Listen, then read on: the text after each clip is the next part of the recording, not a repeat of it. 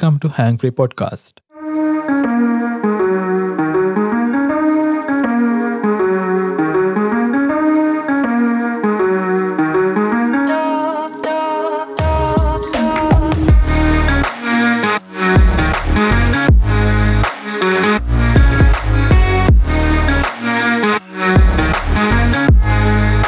අදත්වයකුල්ලොන්න Hangfree podcast කමියනිට movie talks එකට සාදරයෙන් පිළිගන්න. අද අපි මූවිටෝක්සලින් කතා කරන්නේ මූවියක් ගැන නෙවේ එහෙන මොකක් ගැනද? අද අපි කතා කරන්නේ නෙට්ලික්ස් ගැන. අටුවාටික අවශ්‍ය නෑ අපි කෙලින්ම යමු මාතෘකාවට. අද මාතෘකාව නෙට්ලික්ස් මොකක්ද මේ නෙට්ලික්ස් වීඩියෝන් ඩිමාන්ඩ් වෝඩ කියන සේව ගැන අහල ඇති. වෝඩ කියන්නේ විකාශන වේලාව පිළිබඳ කිසිම ගැටලුවකින් තොරව තමන්ට කැමති වේලාවකදී තමන් වඩාත්ම ප්‍රියකරන චිත්‍රපටි ටීවිසීරියස් හෝ සංගීත වැඩසටහන් තෝරාගෙන බලන්න පුළුවන් තාක්ෂණික සේවාවක්. මේ සේවාව අපේ නිවසි රූපවාහිනයට පෞද්ගලික පරිගණකයට ටැබ් එකට හෝ ස්මාර්ට් ෆෝන් එකට ගෙනෙන්නේ IPTV කියන තාක්ෂණය හරහයි. නෙට්ෆලික්ස් කියන්නේ ඒ ආකාරයේ වීෝඩි සේව ලබා දෙන ඇමරිකානු සමාගමක්. එක්දා සමසයනු හතවසරේදී ඇමරිකාවේ කැලිෆෝනියා ප්‍රාන්තයේ තමයි නෙට්ෆලික්ස් පොත ලබන්නේ. මුලින්ම ඔවුන් තමන්ගේ සේව ලබා දුන්නේ තැපැල් මගින් DVD තැටි කුලියට බලබාදීම හරහයි. එදස් හතවසරේදී තමන්ගේ සේව වෙනසස් සිදු කරන නෙට්ෆලික්ස් තමන්ගේ චිත්‍රපට සහ TVසිරියස් ලයිබ්‍රේක ඔන්ලයින් ස්ට්‍රීම් කිරීම ආරම්භ කරනවා. හැබැයි මේ විද ඔන්න ස්ට්‍රීම් කරන තව දෙයක් තිබ්බ ඒ තමයි ෆෝන් අද වෙන විට ලෝක රටවල් එකසි අනුවක් පුරා පැතිරේ තිබෙන සාමාජකයින් මිලියන එකසි අසු දෙකට අධික පිරිසකින් යුක්ත් ලෝකයේ ප්‍රමුඛතම හිනෝදස්වාදය සපයන ආයතනයක් බවට පත්වන්නට ඔවුන්ට හැකිවී තිබෙනවා. නෙල්ෆික් සේවා මුදල්ගෙවමකින් තොරව ඔල් ටෙස් කරල බාණ්ඩ පුළුවන්ද. ඔවු එක මාසේ කාලයක් සඳහා නෙට්ෆික් සේවා නොබිලේ ලබාගන්නට ඔයාට අවස්ථාව තිබෙනවා. www. netflix.com වෙබ් අඩවේ හරහා ඔයාට පුළුවනි ඔයාගේ නමින් එකකවුන්ටක් හදාගන්න. එහිදී වාඩ් සිදු වෙනවා ඔයා ග්‍රේට් කාඩ් විස්තර ලබා දෙන්නට. නමුත් ඔයා බියවයුතු නැහැ.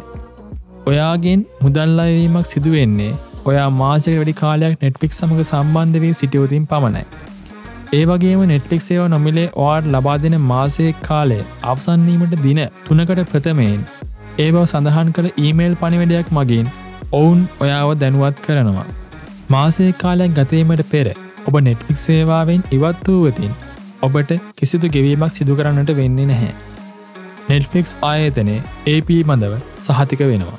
මාසිකව යම් මුදලක් ගෙවීමෙන් මේ සේවාව හා සම්බන්ධීමට පෙර මේ ආකාරයට පරීක්ෂණ කාලයක් ගත කර එයින් අප ලබන වින්දනය මත සේයාව සමඟ සම්බන්ධීමට හැකිවීම පාරිභෝකයන්ගේ පැත්තෙන් සලකා බැලීමේදී ඉතා යහපත් දෙයක් ලෙසටයි අපි දකින්නේ. නෙට්ලික්ස් ප්‍රොෆයිල්ස් මොනවද මේ ප්‍රොෆයිල්ස් එක එක් කෙනාගේ එක එක ආසාවන් මේ වෙනස් වෙනස් ආකා රසවින්දනයන් වෙනුවෙන් නෙට්ෆලික්ස් ලබා දෙන්නේ හරි අපූරු පහසුකමක්. ඔයාට පුළුවනේ ඔයාගේ නෙට්ෆලික්ස් එකකවුන්් එක ඇතුළේ යස ප්‍රොෆයිල්ස් හදන්න. ඒ යස ප්‍රොෆයිල් එක භාවිතා කරන කෙනාට පුළුවනි ඒ හරහා තමන් කැමතිම වර්ග චිත්‍රපට සහ ටීවිසීරියස් මයිලිස් තුළ වර්ග කරන්න. මේ සැකස්මාරහා තමන්ගේ පෞද්ගලික රුචිකත්වයට අදාළව තමන්ටම කියලා තැක් නිර්මාණය කරගන්න අවස්ථාව නෙට්ෆලික්ස් විසින් ලබා දෙනවා. සාමාජිකින් වැඩිපිසක් සිට නිවසකට මේ ක්‍රම ඉතා යහපත් කියලයි අපිට නං හිතෙන්නේ. කොහොමද ෆිල්ම්ස් බලන්නේ. හොඳයි. උදාහරණයක් විදිහට YouTubeගේ වීඩියක් නරමන අවස්ථාවක් මතක් කරගමු. ඔයා විසින් සාදාගත් නෙට්ෆික්ස් එකකවුන්් එක භාවිතා කරලා මුලින්ම නෙට්ෆලික්ස් වෙබ් අඩවයට ලොග්විය යුතේ. ඉන්න අනතුරු ඔයාට පුළුවනි ඔයාගේ ප්‍රියතම චිත්‍රපට සහ TV සීඩියස් නරබන්නට. ඒ වගේ මො ප්‍රිය කරන ආකාරයේ වීඩියෝ සඳහා සැකසම් සකස් කරගන්නත් ඔයාට පුළුවනි. මෙහිදී ඔයා විසින් සිහියේ තබාගත යුතු වැදගත් කරුණ තමයි. වඩාත්ම සුමට ලෙස වැඩසටහම් නැරබීම සඳහා ඉතා හොඳ වේගෙන් යුත් අන්තරජල සමන්තාවත් තිබීම අත්‍යවශ්‍ය බව. අන්ත්‍රජාල සම්බන්ධතාව එතරම් වේගවත් නැතිනම්. වීඩියෝ තිරගත වෙන අතරවාරයේදී ඒ ලෝඩ්නකම් බලා සිටීමට සිදුවීම සමහර වෙලාවට ඉතා වෙහෙස කර සිදුවීමක්. නෙට්ලික්ස් බාන පුළුවන් ඩිවයිසස් මොනවාද සාමාන්‍ය වෙබ්‍රවසරකින් අන්ත්‍රජාලයට සම්බන්ධවයකි ඕනෑමාකාරයක උපාංගයකින් නෙල්ෆික්ස් වීඩියෝ නැරමීමට ඔබට හැකියාව තිබෙනවා. ඒ කියන්නේ ඔබගේ නිවසි තිබෙන පරිගණකය ඔස්සේ වුවත් මේ සේවා ලබාගන්න ඔබට පුළුවනි. ඒවගේම පරිගණ ක්‍රීඩා සඳහා භාවිතා කරන PS, Xbox උපාංගයන් සඳහා නෙට්ෆික්ස් වීඩියෝ ඩවනෝඩ් කරගන්න පුළුවන් ඇප් තියෙනවා. ඒ වගේම Apple TV, නෙක්සස් ප්ලය භවිතා කරලත් නෙට්ෆික්ස් විඩියෝ නැරබීම සිදු කරන්න පුළුවනි. ඒ වගේම ඔබේ ඇන්ඩරෝයිඩ් හෝ Apple ජංගෝදුරකතනේ ටැබ් එකආදී මේ සියලු උපාන්ගයන් නෙට්ලික් සඳහා සහය දක්වනවා. ඉන්ටනෙට් ස්පීඩ් එක පොයිතරම් ස්පීඩ් වෙන්න ඕනද. නෙට්ෆලික්ස් බලන්න නම් අවශ්‍යයෙන් වැදගත් සාධකය වෙන්නේ අන්තර ජාලවේගේ එක් එක් තත්වෙන් යුතු වීඩියෝ නරබන්නට නෙට්ෆලික්ස් මගින් යම් යම් අන්ත්‍රජල සම්බන්ධතා වේගසීමාව නිර්දේශ කරලා තියෙනවා. මම ඊළඟට කියන්න යන්නේ ඔවුන් විසින් නිර්දේශ කර තිබෙන ඒ අන්තර්ජාල වේගසීමාවන්. Low users 0.3GB and hour. Medium users 0.7GB and hour. High users up to 3GB and hour. For HD, auto adjusts automatically to offer the best quality possible based on new internet connection speed. මේ අනුව වඩාත් ඉස්තරම් තත්වේ video දසනු ලබා ගැනීමට ඉහල මට්ටේ වේගයක් සහිත ආන්ත්‍රජල සම්බන්ධාවයක් අත්‍යවශ්‍ය බව ඔබට පැහැදිලි වෙනවා ඇති. ඔබේ අන්ත්‍රජල සම්බන්ධතාවය වේගවත් බව.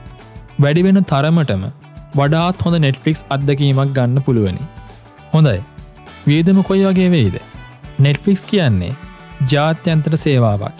ඉතින් ඒ සේවාවට ගෙවන්න වෙන්නෙත් ජාත්‍යන්තර මුදල් ඒක වලින්ම තමයි.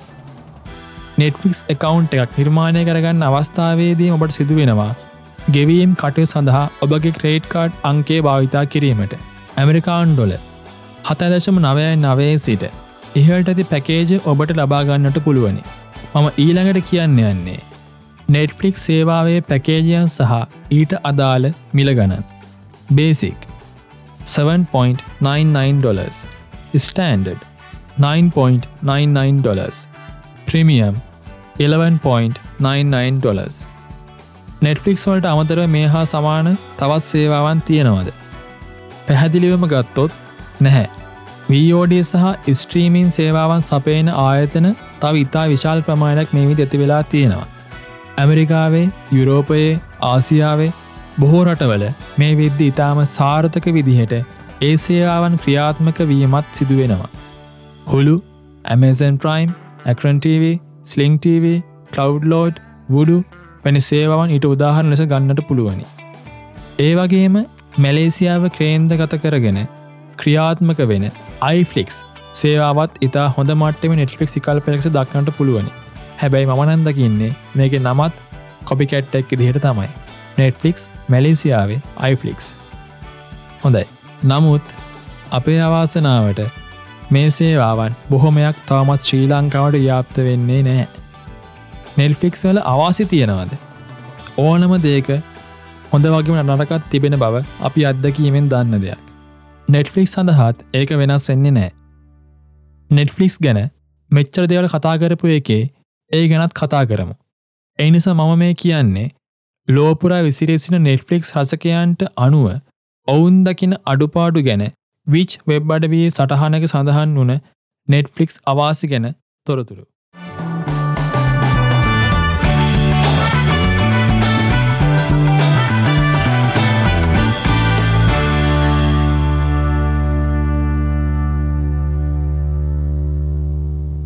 අංක එක එක රටවල පේන්නේ එක එක විදියට. ඔයා පදිංචසින් රට අනුව රෝඩ් නැරබීමටකි ප්‍රමාණ සීමාවීම නෙට්ෆලික්සි ඇති මූලිකම අඩුපාඩක් ලෙස දක්කන්නට පුළුවනි. උදාහරණයක් ඉදිහට ඇමරිකාන් ඩොල හතදශම නවයයි නවයක් ගෙවීමෙන් ලබාගන්න පැකේජයෙන් ඇමරිකාවේ ජීවත්වන කෙනෙකුට ඒ පැකේජයට ඇති සියලම වීඩියෝ නරමන්න පුළුවන්. නමුත් ඇමරිකාවෙන් පිටත පදිංචි සිටින කෙනෙකුට නැරබීමට හැකි වෙන්නේ. එනට සඳහා නිකුත් කර ඇති වීඩියෝ පමණයි. නමුත් ඔහුටත් අදාළ පැකේජය මුල මුදලම ගෙවීමට සිදුවෙනවා. මේ අනුව ඒ අදාළ කලාපයෙන් පිටත පදිංචිකරුවන්ට යම් අසාධාරණ සිදුවෙන බවයි අපිට පේන්න තියෙන්නේ. නමුත් යම් යම් තාක්ෂණක ප්‍රයෝගයන් භාවිතයෙන් ඕනෑම් රටක සිට ඕනෑම් නෙට්ෆික්ස් වීඩියෝවක් නැරමිය හැකි ආකාරයන් පිළිබඳවත් අන්තර්ජාලය තුරසුරු සඳහන් වෙනවා. අංක දෙක අන්තර්ජාල අවශ්‍යතාවන්. අපි මුලින්ම පැහැදිලි කරපු විදිහට නෙට්ෆික් සේවා ලබාගන්න නම් වේගවත් අන්තර්ජාල සම්බන්ධතාවයක් අත්‍යවශ්‍යයි.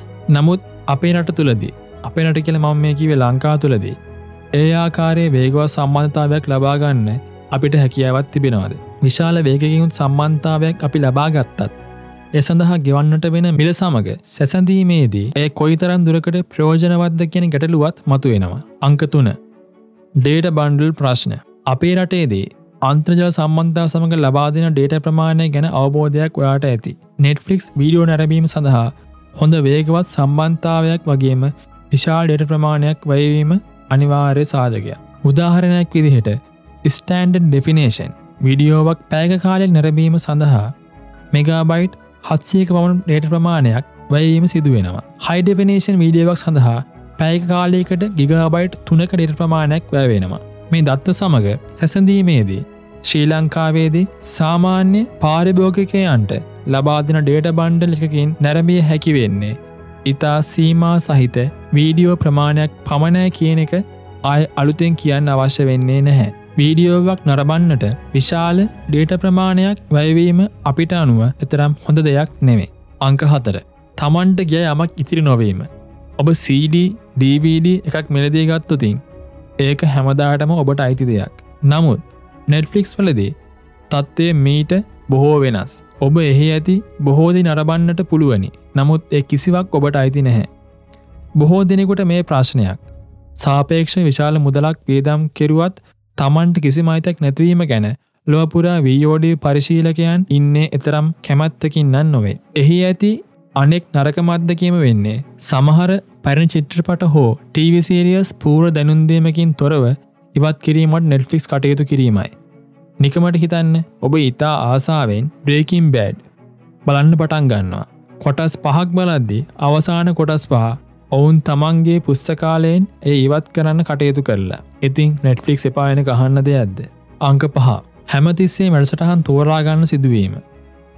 ටී බලද්‍ය අප එක කාරමුලින් ටී බලන්නවා අපි කනවෙලාවට ටීවක විකාශයෙන් වැඩසන්නක් බලන එක තමයි කරන්න මේක හොඳ පුරුද්ධන්න නෙමේ නෙට්ෆලික්ස් වගේ විසේවාවකදී තිබෙන ගැටලුව තමයි අන්න ඒ වගේ වෙලාවකදී ටීව චැනල් එහෙට මෙහෙට තෝරලා මේ වෙලා විකාශනය වෙන වෙන වැඩ සටහන බලන්න ක්‍රමයක් නැති එක.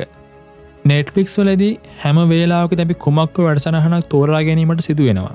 නමුත්වය දන්නවාද ඒ ආකාරයට රෙසටහන් තේරීමත් වෙලාවකට වෙහෙසකාරය අත්දැකීම. විශාල ගැටලුවක් නොවනත් අපි දකින්නේ එයත් යම් ආකාරයක අවාසයක් විදියට. නමුත් වෙනත් අතිරේක මෘදුකාංග භාවිතා කල්ලා නෙට්ෆලික්ස් තුලදී සාමාන් ටීව එක ආකාරයට රූපහනචන් ලැරබිය හැකි ආකාර ගැනත් අන්ත්‍රජාලය සඳහන් වෙනවා. හොඳයි වීඩියෝන් ඩිමාන්ඩ් සේවාව තාම අපරට එතරම් ජනප්‍රිය සේවාවක් නෙමේ. ඒ වගේම ඒ සේවාවන් ලබාගන්න හැකිතරම් යටිතල පහසකම් පවා අපේ රටේ තවමත් නීමිත ආකාරයෙන් නැහැ. නමුත් තව කාලයක් යද්දී මේ සේවා මීට වඩා ක්‍රමවත් ආකාරයට ලබාගන්න හැකිවේවි කියලා මම හිතනවා.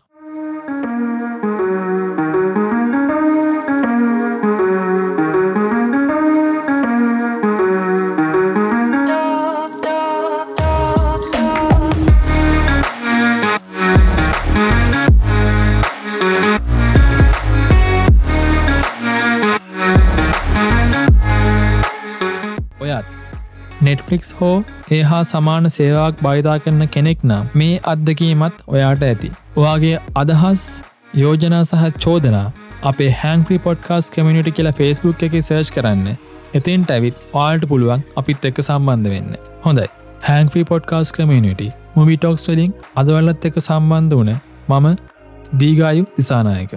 එහෙනම් ළඟදිම සිනමාව හා සම්බන් තවත්තුරුතුරු ඇසක් කරගෙන එන්නම් ඔයගොල්ලු හැමෝටම ජයවේවා